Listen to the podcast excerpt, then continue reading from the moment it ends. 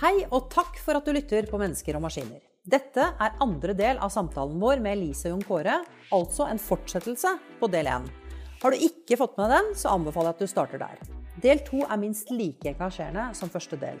Tusen takk for at du lytter til Mennesker og maskiner. Men når dere, når dere, eh, dere, kjenner jo etablerte organisasjoner begge to, Telenor og, og Skipsted eh, eksempelvis. Eh, dere kjenner eh, omstillingen, eller dere eh, ser jo en del av omstillingen de står i. Hva tror dere er mest krevende, og hva tror dere er mest viktigst å få til? Eller mest viktig å få til? Elise? Um, jeg tror det, noe av det som er viktigst å få til, er å være sikker på hvilket problem man løser. Altså, så, så du prater om liksom, ambisjonen. Uh, jeg tror det er så lett at ting blir borte i en stor organisasjon. Husker ikke helt hva var det vi igangsatte egentlig, for hvem skulle vi gjøre det, og hvor fort skulle det skje. Og, um, så det der med å være virkelig tydelig på hva det er slags problem man skal løse. Og så, er det litt det vi er inne på med, med Skal noen få lov til å løpe litt fortere enn de andre med en litt annen type kultur? Det er litt annen atferd belønnes. For jeg tror det er jo det som er så, så, fint med robuste, store organisasjoner er jo at de er mer som tankskip. Det er veldig forutsigbart. Men, men, jeg tror hvis det er ett individ eller to som alene skal prøve å liksom bygge et sånt verdensledende data scientist-team, det er um, krevende. Altså. Sånn at, mens hvis du, um, hvis du får omgi deg med folk som, som sier at det er mulig, som har litt av den samme ambisjonen, så så klart det er mulig. Altså, Telenor har jo også uh, gjort det. Men, men, men uh, etablerte strukturer altså jeg, tror det, det, er jo derfor man prater om dette med menneske og maskin. er jo at, at Som vi alle vet, så liksom, mennesker vi er jo litt adferd altså, vi, liksom, vi har jo våre rutiner og vaner for måten vi gjør det på. Altså, sånn, Tor Hillestad på NHO han sier det så godt. Han driver og prater om det her med at du, liksom serven, du, du, har den perfekte serven inne med høyrehånda, og så skal du prøve å gjøre den samme serven med venstre. Finnes, du kommer til å føle deg liksom inkompetent, og det er fristende å gå tilbake til å gjøre det sånn som du gjorde det før. Og, og uh, ja, det finnes mange grunner da, for å opprettholde det eksisterende. Veldig mange grunner. Uh, og da er det nettopp det, hvordan skal du orke å bryte et, et, et, mønster eller en arbeidsprosess, en måte å gjøre ting på, som både struktur og kultur opprettholder, og så skal du gjøre det annerledes, da, da, um, da trenger du et miljø rundt deg da, som heier litt på at det, er, at det, er, det vi skal, og at vi skal, som, som Kåre nevnte, at, at um, som vil fort komme til en prototype, eller fort komme til noe som du så prøver å iverksette, så du faktisk får, får det liksom over kanten av å, å launche noe. Ikke sant?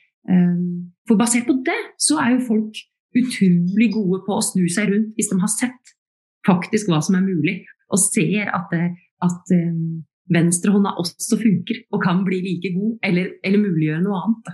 Kåre? Det, det, er vanskelig å si. Her tror jeg det er store variasjoner fra selskap til selskap og bransje til bransje til hvordan tilstanden er. Men, men, jeg må jo si at det er to historier fra Skipsted jeg syns er, er, veldig fascinerende. Um, og, og, det er knyttet til finn.no og, og VG Nett, som dette VG Mobil, og, og, den reisen VG hatt digitalt. Uh, klart det er litt sånn, Med Finn så satte man ut en egen organisasjon uh, utenfor uh, Som fikk sitte alene. Og, men, men de, fikk, de, fikk, et mandat til å gjøre noe spennende, og for så vidt også utfordre veldig viktige inntektskilder til, eh, til de avisene de sprang ut fra. Uh, men egentlig sånn veldig kult grep hvor du, du, tør å gi gass og tør å satse, og tør å la det vokse på egne ben. Um, men, men, det kanskje mest fascinerte er jo det VG har fått til. Sånn, hvordan du da i eget hus klarer å gi et eget team et mandat som handler i veldig stor grad om å, å angripe annonseinntekter, angripe lesere, angripe og virkelig kannibalisere eh, det som har vært hovedproduktet i, i mange, mange år. Eh, og det, ja, og litt det å tørre å, å gi de mandatene til å bygge det man tror skal være framtiden. Det er jo litt tilbake til det, hvorfor skal man gjøre noe, som, noe, noe, med noe som funker? Og Det er klart at det er jo kjempeviktig for store selskaper som har uh, masse forpliktelser til å, til, å, til å, ivareta inntekter og holde, de, holde tankskipet i gang. Det er kjempeviktig, det er ikke noe du kan bare legge ned. Men liksom fascinert av det sånn explore exploit-rammeverk. Det å klare å spinne løs og det å tørre å gi små team i, i starten mulighet, mandat, frihet til å gjøre ting, selv om det kannibaliserer hovedvirksomheten, selv om det kanskje koster penger. Men det å tørre å sette sammen de teamene og Noe som har fascinert meg, og det, det er liksom hvordan aktører som Google og Amazon selv De kommer fra et lite sted de også, hvor de var små og agile, men de har klart å ivareta den agiliteten selv på globalt liksom, kjempeselskapsnivå. Uh, og da tror jeg litt sånn tilbake til det å bryte det ned. Jeff Bezos snakker om disse two pizza teams. Mm. Men det å faktisk klare å gi mandat, i beslutningsmyndighet til små enheter um, Og det er kanskje noe av det jeg følte tidligere, at det å tørre å gi, gi, gi sånne initiativ frie muligheter til å bare løpe, det er observert har vært litt vanskelig for enkelte selskaper. Um,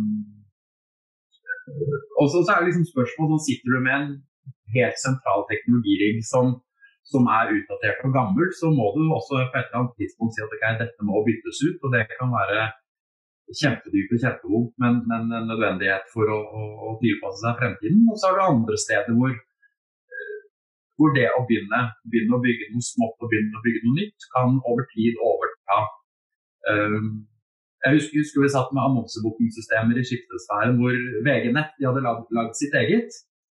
Eh, og når de andre avisene skulle ha nytt system, så var det ingen som ville ha det VG hadde lagd, for det var galskap å lage sitt eget. Men eh, historien endte jo med at det var dette systemet som, som sprang ut fra VG som ble det sentrale for, for, for en større del av, av systemet. Så, ja, det er litt det å tørre å sette i gang, tørre, tørre å ta litt risiko. Det tror jeg er viktig. Ehm, og der, der, mener jeg der har etablerte selskaper alle mulige forutsetninger. Uh, og det finnes også kjempemye flinke folk i, i, disse selskapene. Det er klart det å få, få lov til å, å um, utforske og liksom, drive litt startup i etablerte miljøer, jeg tror det er en god oppskrift også for å få, få flinke mennesker til å bli motivert å gjøre, gjøre spennende ting. Ja, og hvis jeg kan bygge på det du sier, da, så tror jeg at du sier man kan lage en lomme, man kan sette det ut. Men det er også der hvor dette med at liksom, uh, som kalles økosystem, da, liksom det som er liksom å åpne opp for at uh, uh, det å lage gode samarbeid med andre, det opplever jo vi noen ganger. At vi kommer inn som en sånn, vi kommer inn som en sånn tredjepart, en sånn akselerator ikke sant, inn i i lederrommet eller inn i teamet med en annen type kompetanse. Og på den måten så kan vi, så kan vi være med å lære opp prosjektteam som kanskje ikke det er alle som sitter og har machine learning under huden, eller hva det faktisk kan gjøre. Sånn at, sånn at store organisasjoner kan få lov til å, å, lære, og kanskje også bli litt tryggere på å utfordre eh, egne strukturer. Utfordre egen produksjon, utfordre egne IT-team. For det er krevende da, å ta på seg en sånn type prosjektlederansvar hvor du skal dra på ressurser fra en hel organisasjon. Det er en, en eh, jobb i seg sjøl. Og det da å bruke, bruke noen utenfra som får lov til å være kanskje liksom, sier, litt, sånn, litt, naive utfordrere, og samtidig kunne vise hva teknologien kan brukes til, og, og hjelpe til. Da. Hjelpe til inn i, i, i større organisasjoner. Um, um, det kan noen ganger da, liksom sette litt sånn kraft bak noe, som ellers fort kan bli sånn et veldig sånn eh, sekvensiert prosjekt der man går og prater med ulike deler av organisasjonen, men egentlig aldri liksom ja, det, det, er vanskelig å få til både framdrift og gjennomslagskraft. Da. Men jeg tror bare for å spille videre på det vi snakker om da, Det er ikke noe tvil om at endringstakten i verden, og spesielt i, i, i næringslivet og, og, og, generelt, virkelig liksom har fått uh, en god del flere hestekrefter, og det akselererer utrolig fort. Ting endrer seg kjempefort. Og det som jeg, jeg tror som I forhold til læring og sånn, det er to aspekter. Men det ene er liksom en sånn læringssyklus hvor det første starter med at du er ubevisst inkompetent. Og det er kanskje tror jeg, en av de største uh, farene kanskje i etablerte selskaper, er en sånn ubevisst inkompetanse. Du vet ikke, du vet ikke hvilke muligheter teknologi og digitalisering og alt det som kommer nå, faktisk kan bety både for virksomheten din Eh, det blir ofte snakk på buzzword-nivå, slik at det er vanskelig å forstå. Du får ikke de konkrete eksemplene som gjør at du klarer å knytte til de faktiske problemstillingene du har. Uh, og, og, klart Der har jo de som kommuniserer og jobber med disse tingene her liksom en oppgave i forhold til å kommunisere godt nok. Men jeg tror de som ikke sitter, de som sitter i ledende, viktige posisjoner og som ikke har denne kompetansen, jeg tror de også har et veldig stort ansvar i forhold til å bli fryktelig, fryktelig nysgjerrig og forstå at det er noe som skjer med ekstreme krefter rundt oss nå. Og hvis du ikke tar inn over deg det, er nysgjerrig og prøver å forstå hvordan det kommer til å påvirke virksomheten din, eh, da tror jeg du, du kommer til å ha et problem i, til ti års perspektiv. Um, og det er litt sånn tilbake som vi har opplevd dette med å jobbe i kryssfunksjonelle team, og litt som du sier med, liksom med samarbeid. at Det er utrolig fascinerende når du setter da en operativ leder sammen med en forretningsutvikler, sammen med en UX-ekspert og en programmerer, eh, og kanskje en data scientist, når de får lov til å sitte sammen og diskutere en problemstilling altså det, er, helt magisk. Er utrolig fascinerende å se hvor gode, enkle, kraftfulle løsninger som kommer ut av, eh, av det aspektet der. Så, så eh, et grep vi har jobbet mye med, er liksom det vi kaller for ambient awareness. Det er vel Espen Sunde som er vår, vår chief product officer, som, eh, som har eh, lansert dette. her, Men det handler om at du Gitt det vi snakker om nå, så er det så viktig at vi har en eh, sånn åpen eh, eller sånn åpen filosofi om deling av kunnskap. Så vi, hos oss er det liksom kun det et minimum av det som virkelig er konfidensielt og hemmelig, som vi ikke kan dele. Det det holder vi hemmelig. Men ellers så har vi en sånn open policy om at alt skal deles. Alt er informasjon. Eh, bruke verktøy og, og, og, metoder for å dokumentere ting. Um, og alle kan gå inn og lese om alt. Det være seg om hvilke OPRs de ulike teamene har, hva teamene jobber med, hvilke problemstillinger de har, hvilke prosjekter vi jobber med. Um, og Dette er også liksom en utrolig viktig sånn underliggende forutsetning uh, for å kunne agere fort og kunne løpe fort. Eh, det å dele den kunnskapen. For det, det, er så mye som skjer nå. så det er rart at eller Det er jo ikke rart at folk ikke helt klarer å henge med, men da tror jeg vi, er, vi har et ansvar om å faktisk hive oss på denne karusellen her, om du ønsker å være en del av de eh, morgendagens vinnere. Eh, dere er verken koloniale eller, eh, eller Cognite er startups. Liksom er, eller dere er ganske begynt å bli etablerte, modne selskaper begge to.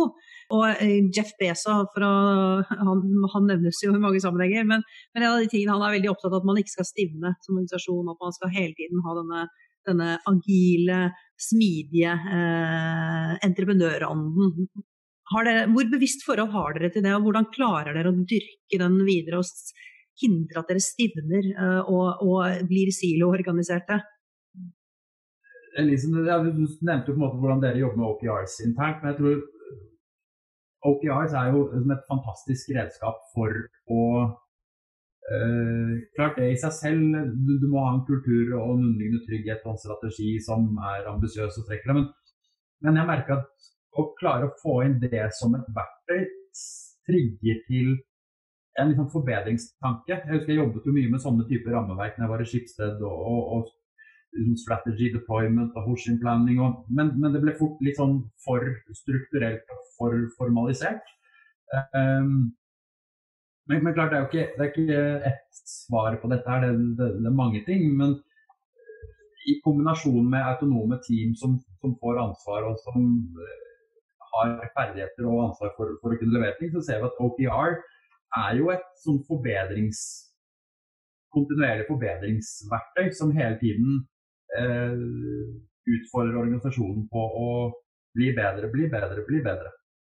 Jeg hørte noe fra Kolonial si i en eller annen sammenheng at, at, at uh, koronakrisen har, har, på en måte skapt en sånn uh, tatt dere ut av Organisasjoner går jo ofte fra en veldig sånn unfreezed situasjon, hvor de er liksom smidige og lettbente. Og så når de modnes, så, så fryses de mer i formen. Og, og at man, liksom, den ekstreme entreprenørånden, øh, den blir kanskje litt eh, svakere. Mens, eh, Jeg vet ikke om du har noen refleksjoner om det, men, men, men jeg hørte noen si at altså, det ble en ekstrem sånn, entreprenørånd rundt korona. og Det ble det sikkert for, eh, det ble jo nesten for alle selskaper. Men kan du fortelle litt om, er det noe ved den krisen dere tar videre for å, for å jobbe videre med kulturen deres? Ja, jeg tror sånn, Når det kommer til refleksjoner om hvordan vi jobber og hvilke metodeverk vi har og hvordan vi jobber med utvikling, sånne ting, så er jo det noe vi kontinuerlig evaluerer, nesten på hvert fall på årlig nivå. Så går vi og, og, og endrer og justerer og tweaker, slik at vi hele tiden forbedrer arbeidssettet vårt.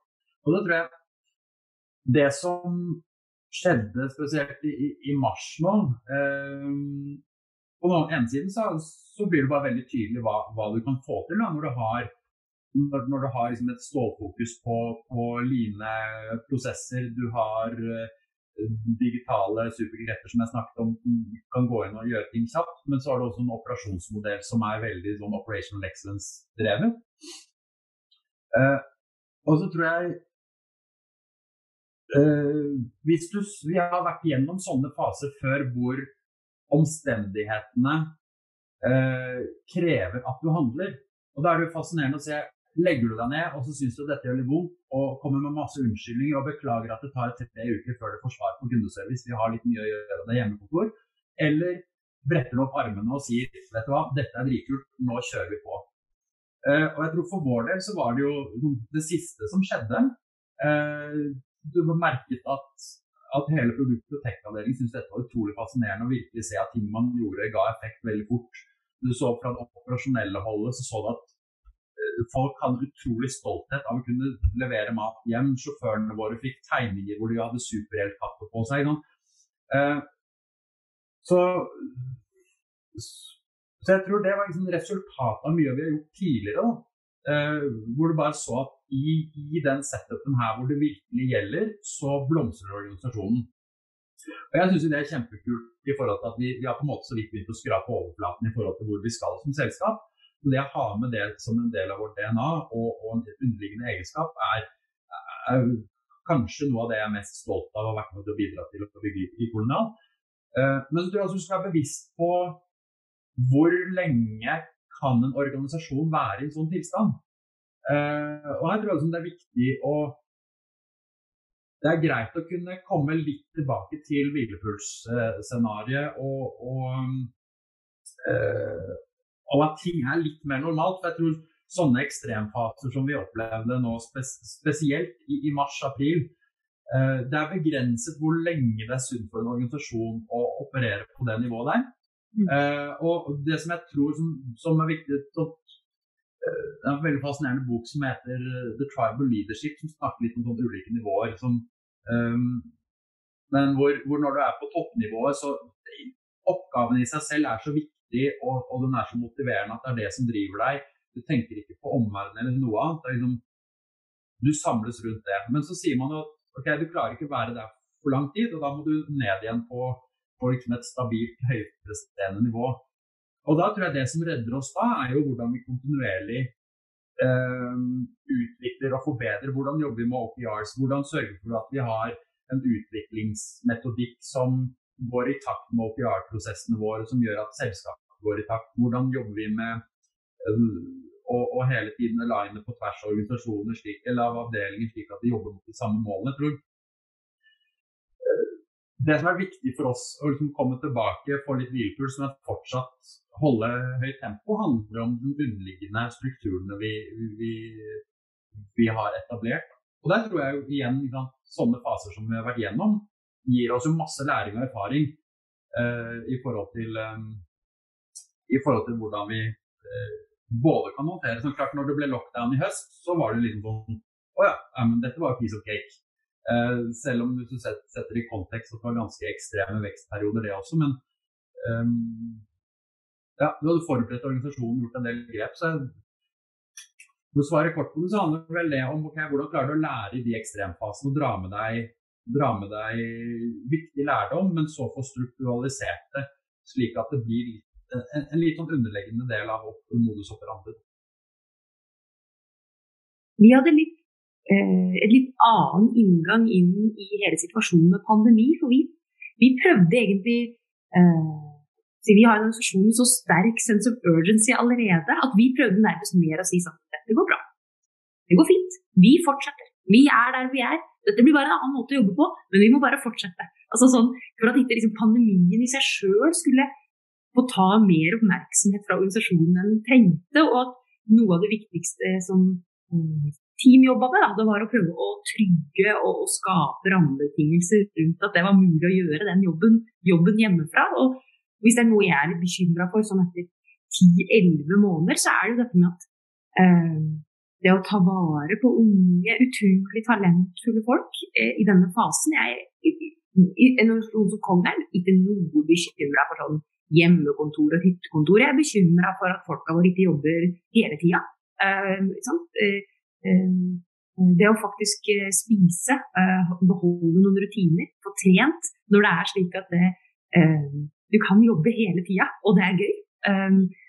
så, så det er vel noe vi fokuserer på. vi, vi, spør folk hver uke eh, slags, liksom, hvilke følelser er det som er mest til stede for deg nå. Så er du ensom, eh, kreativ, fokusert? Altså, vi spør noen av disse samme spørsmålene hver eneste uke for å eh, hvert fall ha en slags følelse av hvor, hvor er folka våre. Og i denne situasjonen her så, er, så mener jeg at eh, da er godt gammeldags ledelse noe av det som er svaret. Fordi at hvis vi ikke har trengt det før, så har vi i hvert fall trengt det disse månedene. Ledere som er tett på folka sine, og som ser og anerkjenner hver enkelt for de ulike situasjonene. Altså, er du hjemme med barn, har du flytta til Norge alene og sitter på 15 kvadrat, så har du to veldig ulike settinger med ulike utfordringer gjennom den eh, perioden vi har hatt nå i 2020.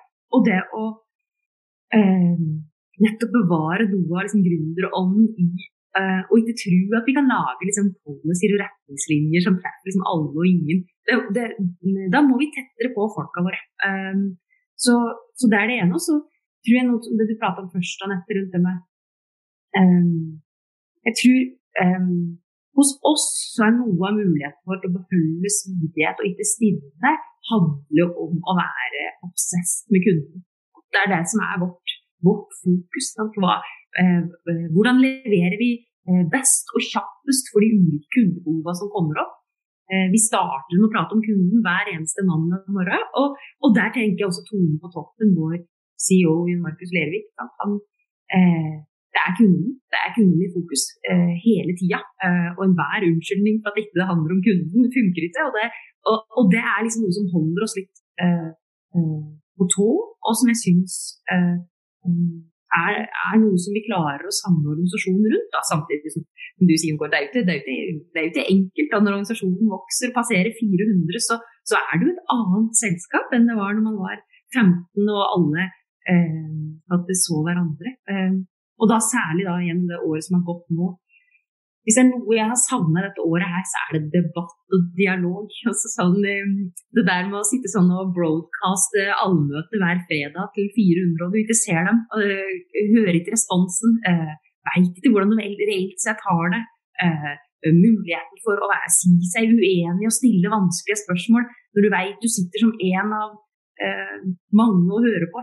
Det, det, er sånne områder som jeg håper at vi etter denne perioden her kan komme mer tilbake til. Eh, få opp igjen mer av debatten.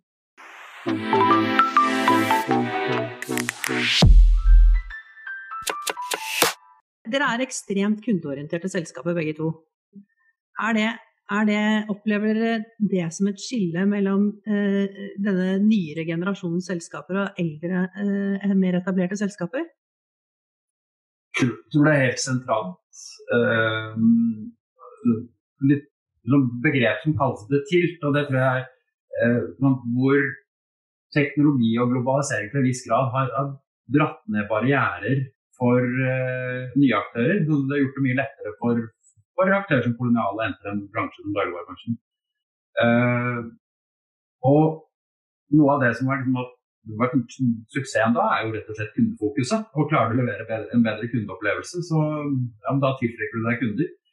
Eh, og det tror jeg nok tidligere, når disse barrierene har vært høyere, så har det vært lettere å, å tenke på, på måte, marginbildet og hvordan kan du tune ut marginer i, uh, i verdikjeden din før du egentlig tenker på hva du leverer til kunden. Da. Det er liksom fleipete sagt, hvor langt inn i butikken kan du putte den melkekartongen? Mm. Eh, hvor vi har sagt at når du kommer inn i vår butikk, så flytter hyllene seg automatisk, slik at de varene du trenger, de de står på Det er det første som møter deg. Um, så jeg tror det er eh, både i forhold til det å, å, lykkes i forhold til å levere gode produkter, men, men også det i forhold til å hele tiden ha den der eh, driven etter å bli bedre. Og jeg eh, pleier til å ha et bilde av en Nokia 3110 og en eh, iPhone. eh, og så sier jeg at uh, når folk Eller så sier jeg liksom at vi har en ambisjon om å levere en handleopplevelse som er like god som en iPhone versus en Nokia 3110. Og så vet vi at det er mange folk som går i dagligvarebutikken i dag, så vi er jo ikke kommet, vi er ikke kommet dit enda. Eh, det er, det er, veldig mange flere som går i daglig, fysisk dagligvarebutikk enn som har en Nokia 3110 i dag. Så vi, vi, har jo en lang vei å gå i forhold til produktet vårt. men der jeg tror vi tenker annerledes fra veldig mange andre og, og tradisjonelle virksomheter, er jo at vi kommer ikke til å gi oss før produktet vårt er like god som den iPhone. Og når vi har fått en iPhone, så kan vi ta gift på at vi er absolutt ikke ferdig. Um, og Det tror jeg kan være litt sånn slitsomt for enkelte. Du skal, du kan liksom hele tiden endre og forbedre dette kundeproduktet ditt. Kan vi ikke bare ha det vi produktet vi hadde. Jeg husker jeg hadde et Lean Startup-foredrag en gang hvor det var plutselig en kar som skjønte at hele konseptet var at du skulle kontinuerlig utvikle produktet sitt. og han det var bare sånn aha-opplevelse som, eh, som, ikke var positiv. Han sa liksom bare å pokker betyr at jeg må endre produktet mitt. Nå har jeg endelig laget det, trodde det var ferdig. Og det tror jeg er litt sånn forutsetning for å lykkes i fremtiden. At du må, du må forstå at eh, du må uppe gamet i forhold til det du leverer til kunden din hele tiden. Og hvis ikke du evner å være den drivende kraften der, så kommer noen andre og gjør det. Uh, og dette er altså litt sånn tilbake til det du snakket om i forhold til oppfordring til med tradisjonelle selskaper og kannibalisering og det å tørre å virkelig satse. Um, hvis du ikke gjør det selv, så kommer noen andre til å gjøre det. Og det jeg er ganske sikker på sentralt i det handler om den kjærligheten du gir til, til kundene dine. Jeg tror også, det der er liksom også litt annerledes hos oss. fordi at det, den, øh, vi er jo bare sånn halvveis i gang, hvis du tenker at, at det, du vet, um, det Cognite vet noe om, er hva uh, teknologi muliggjør for store uh, industribedrifter. Men det som gjør at vi jo fortsatt, når jeg sier det med kundefokus, så handler det fortsatt om det med også en ydmykhet og og lytte på kunden. Fordi at teknologi i seg sjøl er jo sånn passe interessant. Men det er jo hva teknologien muliggjør, altså verdiuttaket. Det er jo der, måte, eh, det er jo der man virkelig eh, kan bli store. Og da er jo det med at eh, den bedriften som produserer aluminium, den bedriften som leverer pumper til, til, til en oljeplattform, de som sitter med strømnett i Norge. Altså det, Eh, teknologien opplever vi at kan være ganske generisk, men verdiuttaket, hvordan går vi inn i den enkelte bedrift sammen med partnere ofte, men, men eh, hvordan går vi inn for å eh, virkelig skjønne eh, samspillet da, mellom arbeidsprosessen, teknologien og det kulturelle og si, menneskelige oppsettet som finnes, som også sier noe om hvor fort vi kan bevege oss, hvor moden kunden er.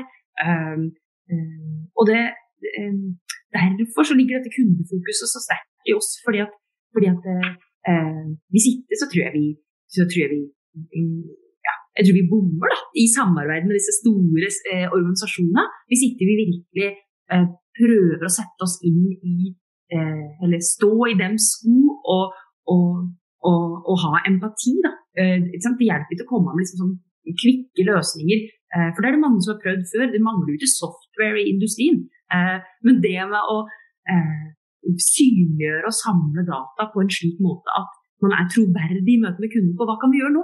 Når vi nå har disse dataene. Vi har et reelt sett bilde. Vi har en digital tvilling tilgjengelig for dette utstyret. Hva, hva, hva, hva kjære kunde, hvordan kan vi liksom hjelpe til i, i verdiuttaket og, og, og, videre transformasjon? Da? Det, um, det er jo det vi uh, knekker på, og som med, med, med, stor ambisjon og ydmykhet ingen helt har uh, knukket enda da, uh, i møte med, med industri. Det er viktig den linken du sier der òg, Elise, til, til, industri. Og hva betyr kunde for en industribedrift? For det kan jo være enkelte som må spørre seg selv når du hører til ja, hvis en er en retailer, da har du en én-til-én-interaksjon på daglig basis med en sluttkunde veldig nær. Ikke i lik grad på, som et industribedrift, men det som jeg syns er veldig spennende, som du sier der, er jo men fokusert på verdi og verdiuttak. Og gjennom verdiuttak så er det en kunde der som ligger der. Eh, og det er jo da flere kunder nedstrøms, om det er deres aluminium, aluminiumbedrift eller om det er nedstrøms de som bruker de produktene igjen. Det å fokusere det tydelig verdifokuset dere har der, det er jo noe som kan virkelig være med å låse opp den, det kundefokuset, som du sier fra et industriperspektiv. Det jeg også tar ut, for den som jeg syns var kjempespennende, som dere begge sier, og som jeg også hører ut fra det dere setter ord på, alltid på. Teknologi har kommet, barrierer er lave, det er mange sultne der ute. Og det å kunne lykkes med digital transformasjon også framover, det gjelder å kunne alltid være på. Så skal vi da passe på intensitet og opplevd stress og endring som ligger i organisasjonen, som dere begge var veldig bevisst på. Men ved bevissthet rundt det, så må en ivareta den alltid på-tilnærmingen til å kunne drive videre. Eh, det syns jeg var veldig tydelig og, en, en, spennende link til hva det betyr da, å kunne gå inn videre nå for uh, årene som kommer også. Hvis, dere, hvis du skulle peke på én faktor som dere opplever som veldig, veldig viktig i transformasjonen, jeg vet at det er nesten umulig, men, men, men hva, hva, tror dere, hva tror dere er den ene tingen som er aller, aller viktigst at det er på plass? Jeg tror, eh, jeg husker jeg jobbet med trans, liksom lean-transformasjon i Skipsted, og, og, det som kom opp fra alle lærebøker og alle bussestrøkene det var top management commitment. Eh, og så hørtes det litt sånn flosklete ut, og så er det litt sånn aspekt som er litt vanskelig å, å få håndfast. Men, men, det tror jeg har reflektert mye på med, med reise med kolonial. Eh, liksom, det at eh, denne måten å jobbe på, denne søken, forståelsen av teknologi og, og, og det digitale altså Det har vært nesten hugget i stein i, i forhold til top management commitment. Um, og nå vil jeg ikke si at, at toppledelsen i seg selv har vært uh, den viktigste faktoren da dette har fungert. Det handler om organisasjonen og hva den klarer å skape. Men jeg bare vet at når du har commitment fra høyeste sjef, uh, da blir ting veldig mye enklere. Um, og, og, det er kanskje erfart litt sånn i en del etablerte selskaper, hvor mye av dette commitmentet enten kommer nedenfra, hvor det er den enkelte klynger, enkelte miljøer, eller det kan være enkelte personer i en ledergruppe som, som holder dette her, da, men, men, hvor du ser at dette er ikke dette er ikke noe som en, en ledergruppe eller et styre tar virkelig inn over seg og virkelig mener. Uh, og da tror jeg det blir okay, det kan mye spennende, bra, bra initiativer rundt omkring. Men, men, det at vi har hatt den commitmenten i Kolonial, og at det har vært så godt forankret uh, i ledergruppa rundt hvordan vi skal gjøre ting, uh, har vært en forutsetning for at du slipper indre politikk, du slipper masse kamper, du slipper mye fokus på ting som ikke drar den retningen du skal. Um, så det er liksom oppfordringer til, som jeg var inne på dette med ubevisst inkompetanse. Det kan høres litt brutalt ut, men det er bare godt ment. For jeg tror alle mennesker er uh, ubevisst inkompetente på veldig, veldig mange ting. Men det å som toppleder i dag virkelig forstå at det er noe som skjer der ute som du må begynne å lære begynne å bygge kompetanse på en organisasjon, og ha det ansvaret som toppleder, um, tror jeg er en veldig, veldig viktig forutsetning. Det, ja, du var litt inne på, på lederen hos dere, Lise. Men du fjerner utrolig mye friksjon og utrolig mye unødvendig eh, i en organisasjon når, når commitmentet og ønsket om å, å, å drive dette kommer til topp. Jeg tror hos oss er det liksom, hvis én faktor, så er det visjon. Jeg tror at eh, det, blir ikke, det, blir ikke, større enn det du velger å, å, å gjøre det. Så, og, og, da ledere som tør å sette en tydelig visjon på, på digital transformasjon, så, så eh, Ja, det er noe da med å tørre å begynne å gjøre det. Altså, å gjøre det. Og, og, og, det er jo kjempekrevende, særlig sånn, eh, erfarne profiler. altså Ingen av oss som liker å se dum og inkompetent ut. ikke sant? Sånn, men det å tørre å sette en virkelig visjon som gjør at alle skjønner at det, ok, dette her kommer vi til å klare å få til bare ved å gjøre små, små grep. Kommer måtte, kommer å, vi kommer til å måtte lære noe nytt. Det kommer til å in, in, involvere noe annet enn det vi er i dag. Og Hvis man har liksom satt den ambisjonen i utgangspunktet, det muliggjør nye og andre måter å tenke på, og det muliggjør annen kompetanse. Altså, altså, å, å, erkjenne at vi, vi, vi, trenger å kunne noe annet og kunne noe mer hvis vi skal nå en, en, en, en stor visjon. Da. Det dere beskriver nå, så Dere er jo begge ledere nå. Eh, og Hvordan er det dere har levd ut det i lederstid dere har nå eh, anvendt eller vært bevisst på?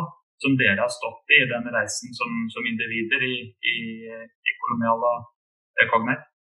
Det er jo et godt spørsmål. Liksom. Det, er liksom, det, er jo, det er klart at det i hvert fall, vi, i hvert fall jeg beskriver, er jo et litt sånn grenseløst arbeidsliv. Det er det ingen tvil om. Uh, vi prater jo om Cognite som noe vi Det er en sånn en gang i livet-mulighet. prate ikke om det liksom som en sånn dette, dette, er jobben min nå, så skal jeg gjøre noe annet. Jeg tror i hvert fall vi som har vært med ganske tidlig, da, det, er, det er stort eierskap og, og, og litt, eh, litt altomfattende. Og vi, og, vi, til en viss grad så dyrker vi det litt òg. Jeg har et sånt mentalt bilde av dessverre tok jeg ikke bilde av det. Jeg husker vi hadde vært på en sånn ledersamling, og det var nå i høst.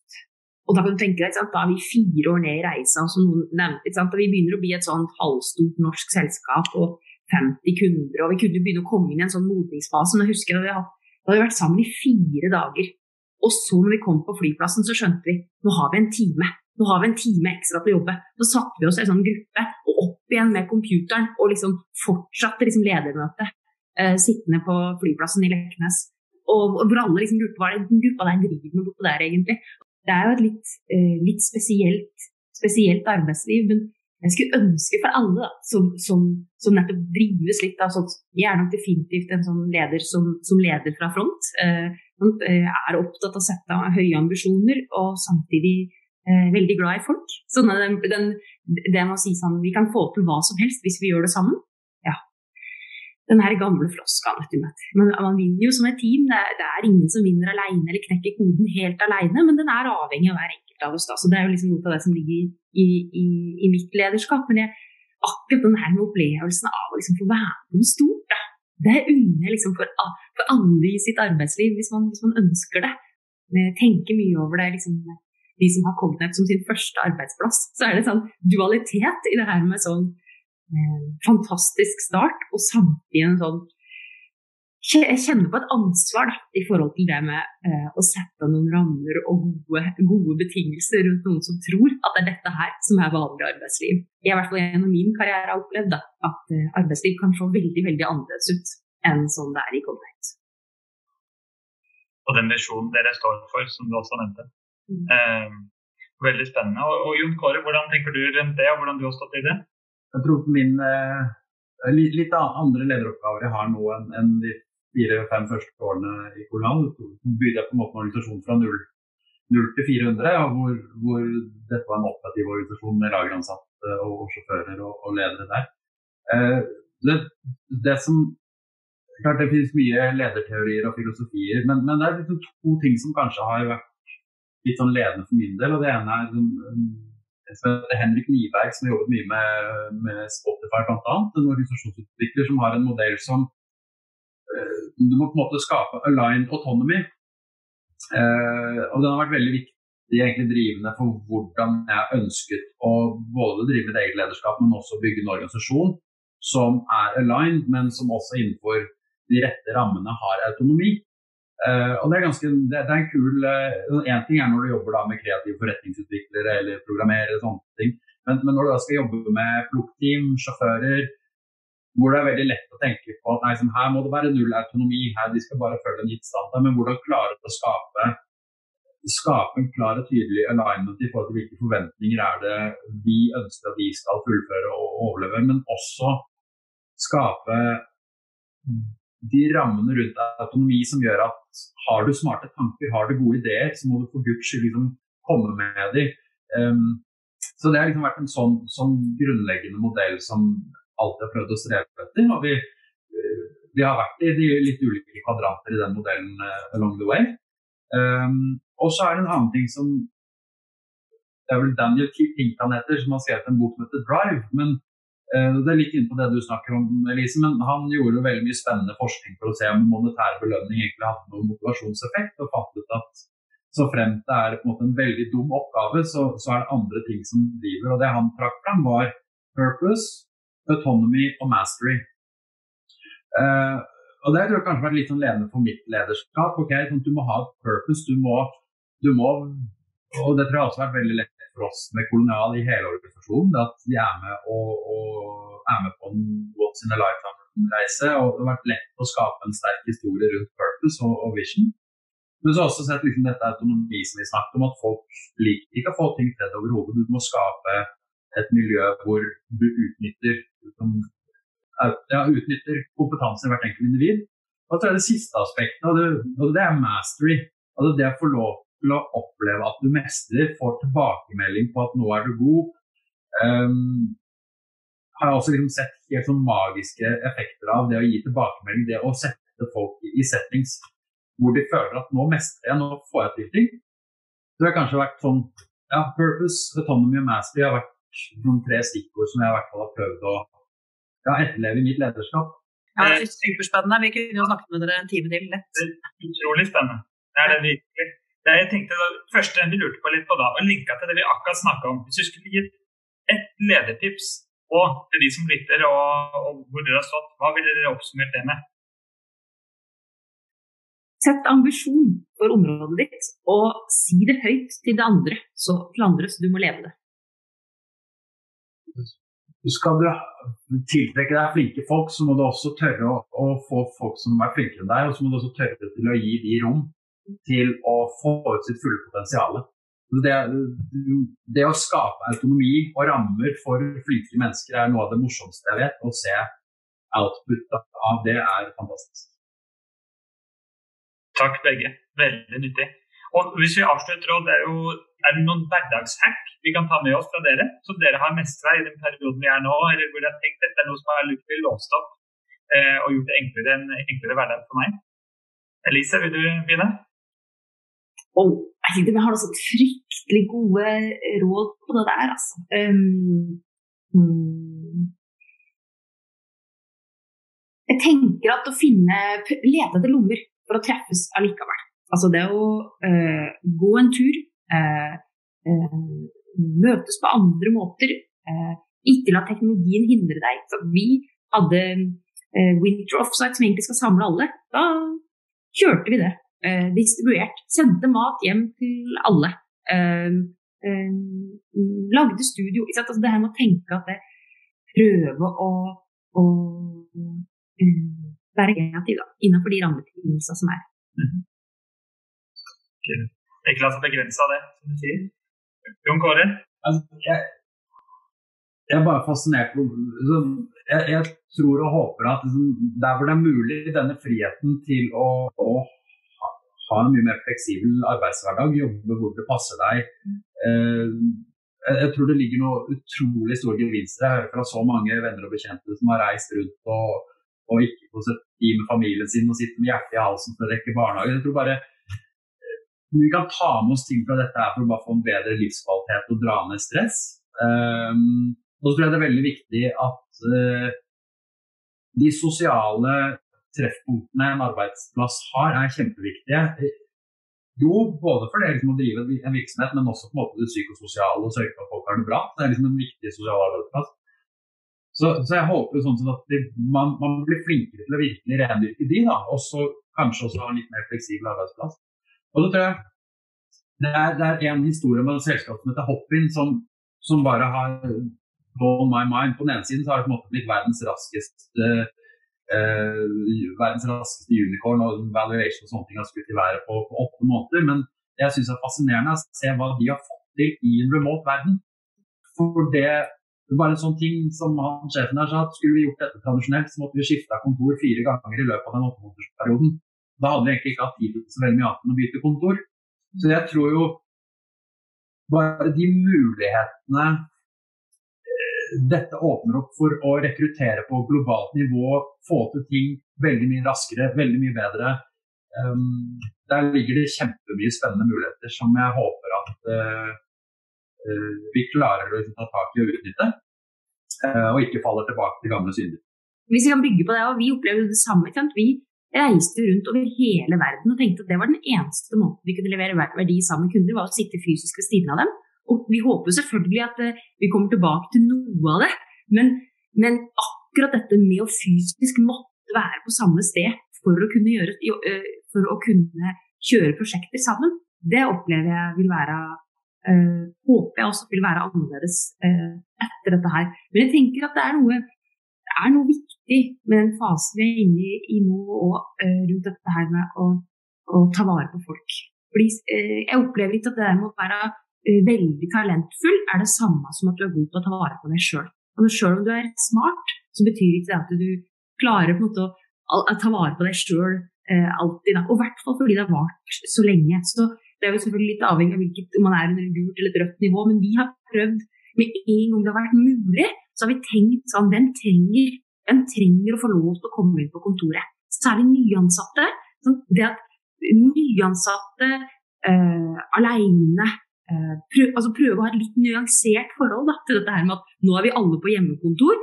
Og det å kunne slippe noen tilbake, eh, det betyr utrolig mye for, for, de som trenger det mest. Og både få lov til å få en opplevelse av å være et fellesskap. Og hvis vi har en hjemmesituasjon som er helt håpløs, da, så eh, det å ikke bli altfor sånn eh, corporate da, på at liksom, vi har én policy på hvordan vi håndterer hjemmekontor. Men det å se ulike folk Vi valgte jo det nå. Det over jula, når folk ikke kunne reise hjem, så valgte vi faktisk å, å prioritere å bruke noen penger på å sende de som trengte det, til å kunne feire jul på Geilo. Ny verden, kan ikke reise hjem til India akkurat da London stengte ned. Og det er jo da vi som arbeidsgiver tar et ekstra ansvar for at det, eh, folk har et liv, da, når vi ellers krever så mye. Eh, det er kanskje ikke definert som et hack, men eh, fortsatt noe som har vært viktig for oss. Mm det hører dere begge si òg, det er en ny måte å jobbe på som vi nå former. Og det er nå er tiden inne for å bevisstgjøre når vi kommer tilbake til normal, håper vi. Vi må ta med oss det er viktige elementer vi kan ta med. Ja, og bare for å følge opp der, altså det er jo veldig, jeg, jeg, tenker jo på etablerte organisasjoner, og de har et ekstremt godt momentum nå for å begynne å skru på organisasjonene sine. For nå har organisasjonene sine, Organisasjoner er jo freezed normalt sett, og så gjennom denne perioden har de vært unfreezed. Og hvis man ikke benytter denne anledningen til å skru på organisasjonene sine i mer smidige retninger, så freezes man inn i den gamle, etablerte måten å jobbe på igjen. Og det, det er en mulighet som er veldig synd å, å, å ikke utnytte, uh, tror jeg. Jeg er helt enig, Anette. Og det med at man, de funksjonene i selskapet som har ansvar for det, da, må starte nå og begynne å tenke på hva, hva betyr det å komme tilbake? Hva, hva vil tilhørighet og hva slags kultur ønsker vi?